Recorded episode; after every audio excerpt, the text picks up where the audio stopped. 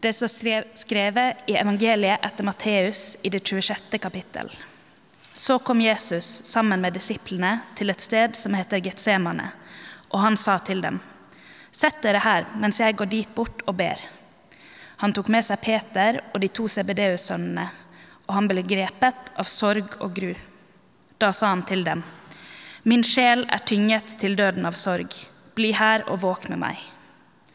Han gikk frem et lite stykke, kastet seg ned med ansiktet mot jorden og ba, Min far, er det mulig, så la dette begeret gå meg forbi, men ikke som jeg vil, bare som du vil. Da han kom tilbake til disiplene og fant dem sovende, sa han til Peter, så klarte dere ikke å våke med meg en eneste time. Våk og be om at dere ikke må komme i fristelse. Ånden er villig, men kroppen er svak. Igjen, for andre gang, gikk han bort og ba. Min far, om ikke dette begeret kan gå forbi meg, og jeg må drikke det, så la viljen din skje. Da han kom tilbake, fant han dem igjen sovende, for øynene deres var tunge av søvn. Nå forlot han den, dem og gikk på ny bort og ba den samme bønnen for tredje gang. Så kom han tilbake til disiplene og sa, Dere sover og hviler fremdeles. Nå er stunden kommet da menneskesønnen skal overgis i synderhender. Slik lyder det hellige evangelium. Vi skal eh, snakke om det som skjer i Getsemanehagen. Men før vi kommer dit, så har jeg lyst til å ta dere med til en annen hage. En park. Helt bestemt i sentrum av Tokyo. På kanten av en park. Og vi skal til året 1979. Der står det en gruppe journalister og eh, noen sånne teknologientusiaster de har blitt invitert til en spesiell lansering av teknologibedriften Sony. Og De er veldig spent på den nylanseringa, for det snakkes om eh, musikk. Det snakkes om lyd som du kan høre overalt hvor du går. De kaller det Walkman.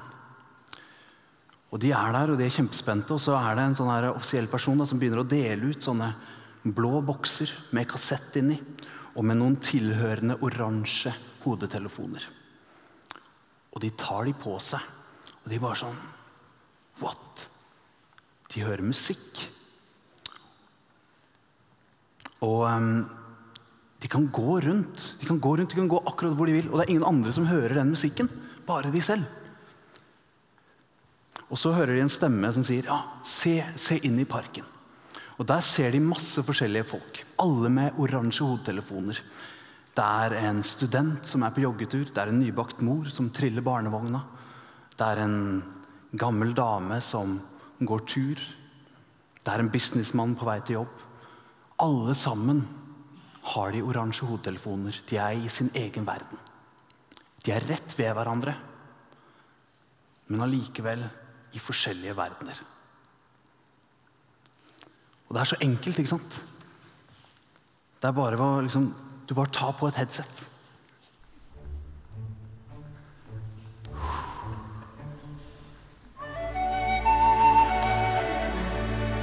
Ah. ah, det er deilig der inne. Hæ? Fantastisk. Her ute er vår felles delte virkelighet. Men min personlige skreddersydde verden den er liksom bare et headset unna. Følger du på Instagram og sånn? Så jeg bare sånn, nei, vet du hva, det er kjempegøy! Ja, Dere er allergisk mot folk som vokser ja. på Instagram. Da er det sånn, Dere tar mine følgere, men ja. han tenker du, kjør på. I don't care! Do what you gotta do! Men Vegard, vi snakker ja, vi... Hæ? Fascinerende. Det er helt rått. Altså, Det den gruppa journalister og teknologientusiaster opplever her i 1979, det er den første smakebiten av et vanvittig stort teknologisk gjennombrudd. Og det gir store, fantastiske gode muligheter. Og så gir det samtidig et glimt inn i framtida, inn i vår nåtid. Hvor mennesker kan være rundt hverandre, rett ved hverandre. Og samtidig være i forskjellige verdener. Vi har tusen hjelpemidler, vi. Som har som oppgave å mate oss vår individualiserte, perfekte verden. Headset, musikk, podkast. Det er noen eksempler, men du, du har så mye mer. Du har diverse, diverse, skjermer, du har sosiale medier. Nå kan du følge med på hvilke nyheter du vil. ikke sant? Du, og du kan Uh, Du har Netflix. Bare absolutt alt er sånn at hvis det dukker opp noe du ikke liker, så kan du trykke 'skjul', eller du kan trykke 'skip'. Du kan på et vis skape verden i ditt bilde. Eller kanskje er det disse algoritmene som mater deg hva det skal være, bare du er med litt lenger. Kanskje er det algoritmene som skaper deg i sitt bilde. Det er ikke vanskeligere enn å ta på seg et headset. vet du. Og så er du der. И всегда, всегда, но сила может быть разного качества. В основе политики империя лжи Det er ikke vanskeligere enn det. Så mates det med informasjon, verdier, et verdensbilde, underholdning.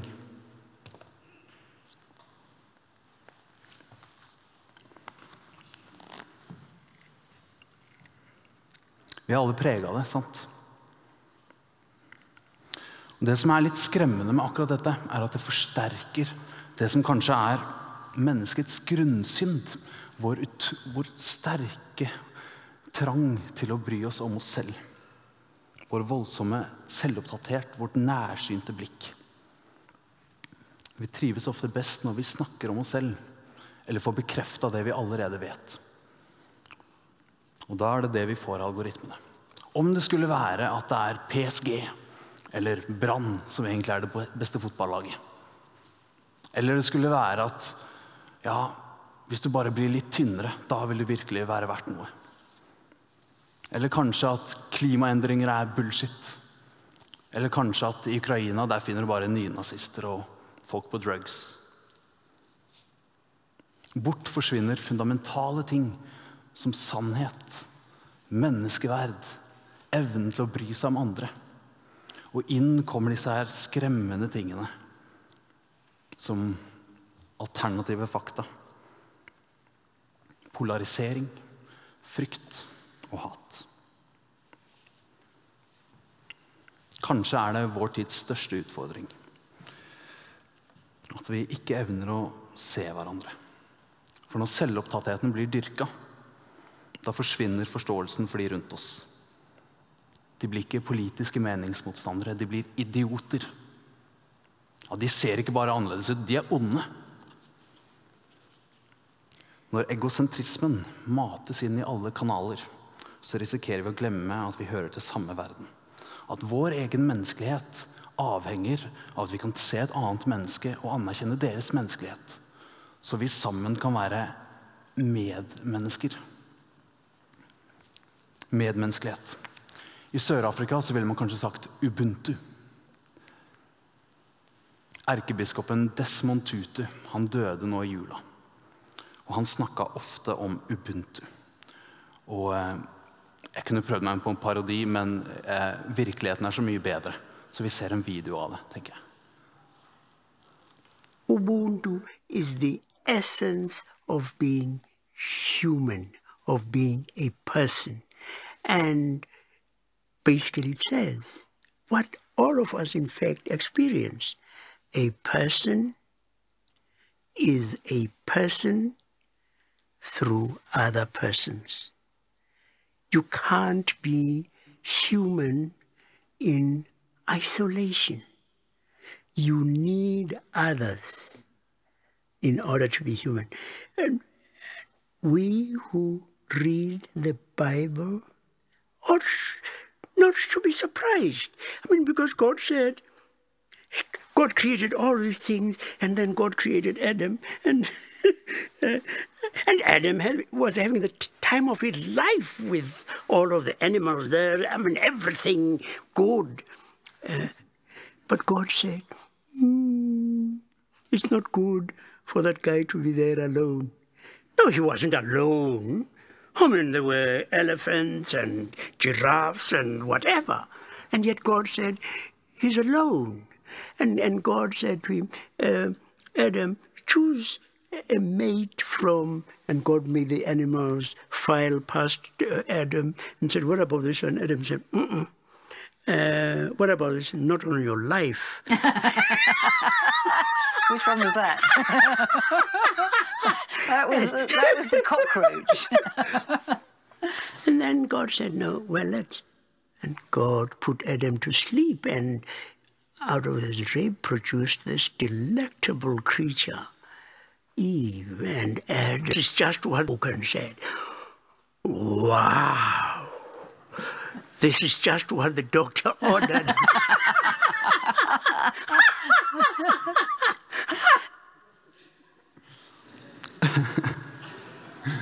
Det er en legende. Wow. Um, a person is a person through other persons. Hva skjer da når vi står med headsetet på? Når vi er så opptatt av speilbildet i frontkamera at vi ikke ser ansiktet like bortenfor. I dag leste vi om Jesus i Getsemane. Og jeg vet ikke med dere, men jeg blir så skuffa over disiplene. Eh, her ber Jesus altså, som om livet sto på spill. Og det, det gjør det jo, ikke sant? Og så evner disiplene å sovne flere ganger. Hva skjer? Ser de ikke at mesteren deres, liksom han de har satsa på, virkelig er i trøbbel? Jesus har til og med prøvd å fortelle disiplene at nå skal han snart lide og dø. Det er nå det, liksom, det står og dirrer.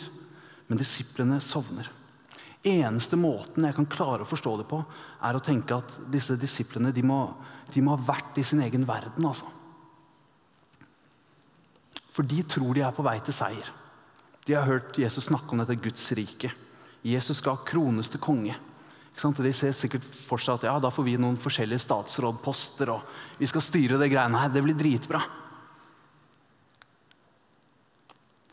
De går jo med den mektige Jesus. Hva kan gå galt? Og Mens de drømmer om dette Gudsriket, mens de sover i timen, så ber Jesus. Han ber om å få slippe. For han vet at det er ikke en gullkrone som venter, men en tornekrone. Han ber om å få slippe, men så ender han opp i å si, Gud, la din vilje skje. Jesus ber, men fokuset ligger ikke på hans ønsker, men hva Gud vil. Om det så betyr at han må gå i døden for disse vennene som ligger og sover.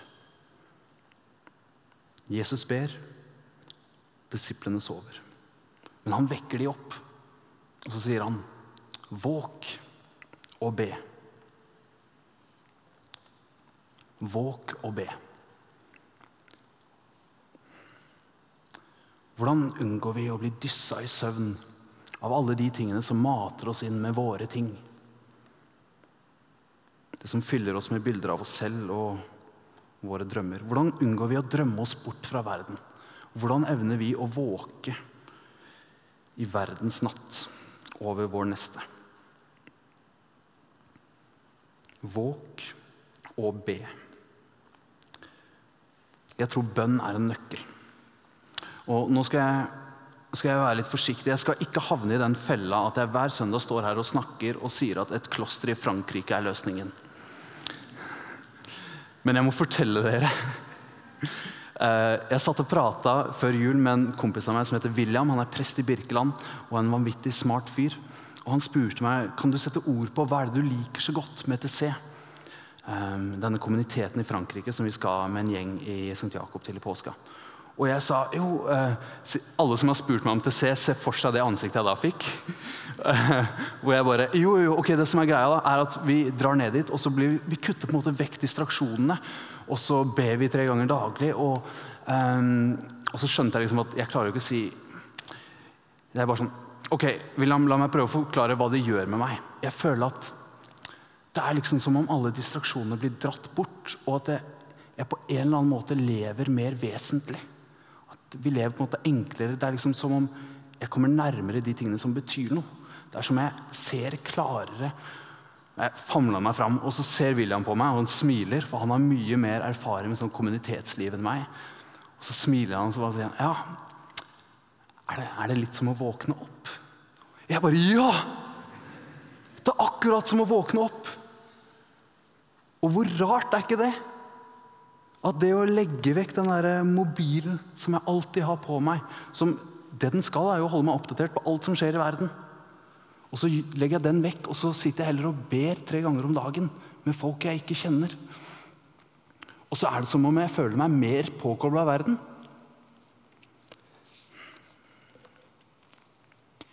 Det er som å våkne opp, se helheten. Jeg gleder meg skikkelig til å dra til TCM med en god gjeng herfra. Og få litt hjelp til dette her, og kutte vekk distraksjonene. Og uh, få litt hjelp til å våkne opp, komme litt nærmere det jeg vet egentlig betyr noe. At vi kan sammen sette oss og samle oss i bønn, rette oss mot Gud, som er verdens sentrum. Men den gode nyheten til alle dere som ikke har bestilt billett, er at du kan jo gjøre det herfra òg. Du trenger ikke dra til Frankrike. Nå er vi helt i starten av fasen. 40 dager dedikert til å våkne opp til å kutte vekk distraksjonene. Til å se helheten, til å trene deg i kjærlighetens oppmerksomhet. Kanskje tenker du at du vil kutte ut et sosialt medium. Kanskje vil du spise vegetar eller vegansk. Ikke for din egen helse sin skyld, men fordi det er godt for klimaet. Kanskje kan du sette av tid til stillhet, bønn, bibellesning. Fasten, og særlig bønn, er en mulighet for å våkne opp. Koble deg på. Se at vi som mennesker henger sammen. Og se at i hverandre så finner vi også Gud. Jeg tror verden hadde vært et bedre sted. Et mindre liksom, polarisert sted. Hvis vi hadde bedt mer for hverandre.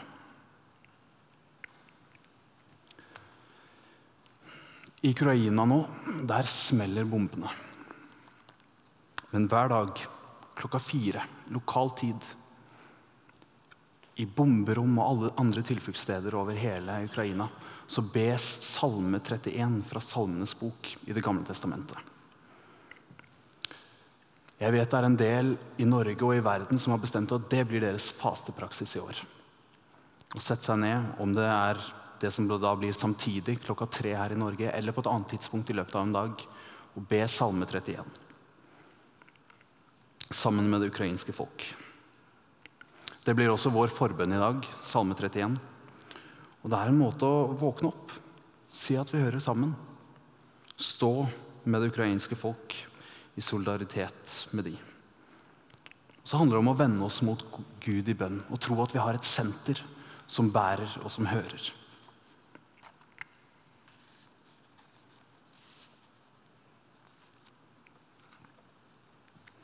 Person is a person through other persons.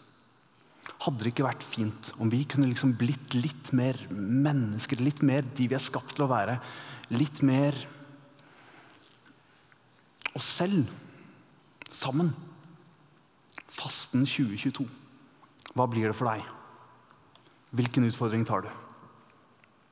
Utfordringen er gitt. Jeg tror vi har godt av å bli utfordra, så lenge vi husker på at det også er menneskelig det å gjøre feil. Det å bomme på målet. Og påsken, som vi ser fram mot, den forteller om nåden, om ufortjent kjærlighet. Mektigere enn synd og død. Så uansett hvor flink du måtte være, så kan du vite at headsetet det, det kommer til å glippe på igjen. Tunnelsynet, det vil snevres inn. Vi kommer til å sovne på et tidspunkt. Men evangeliet er da at da er det fremdeles en som våker, og som ber for oss. En som elsker verden så høyt at han går i døden for sine sovende venner. Himmelens og jordens skaper. Se, han blunder ikke. Han sover ikke. Israels vokter. Amen.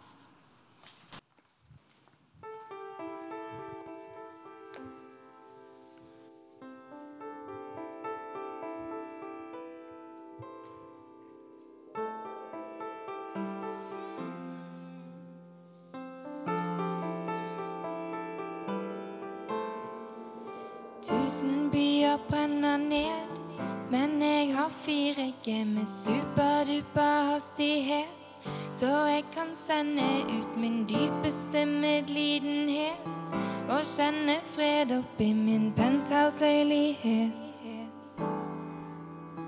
Og jeg trenger ikke se verden, for alt jeg har lyst til å se, er meg sjøl.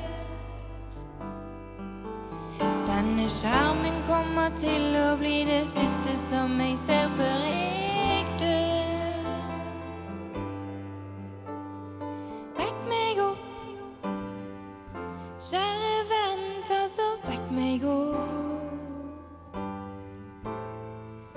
Du som kjenner alt som er, og ikke er noe lenger.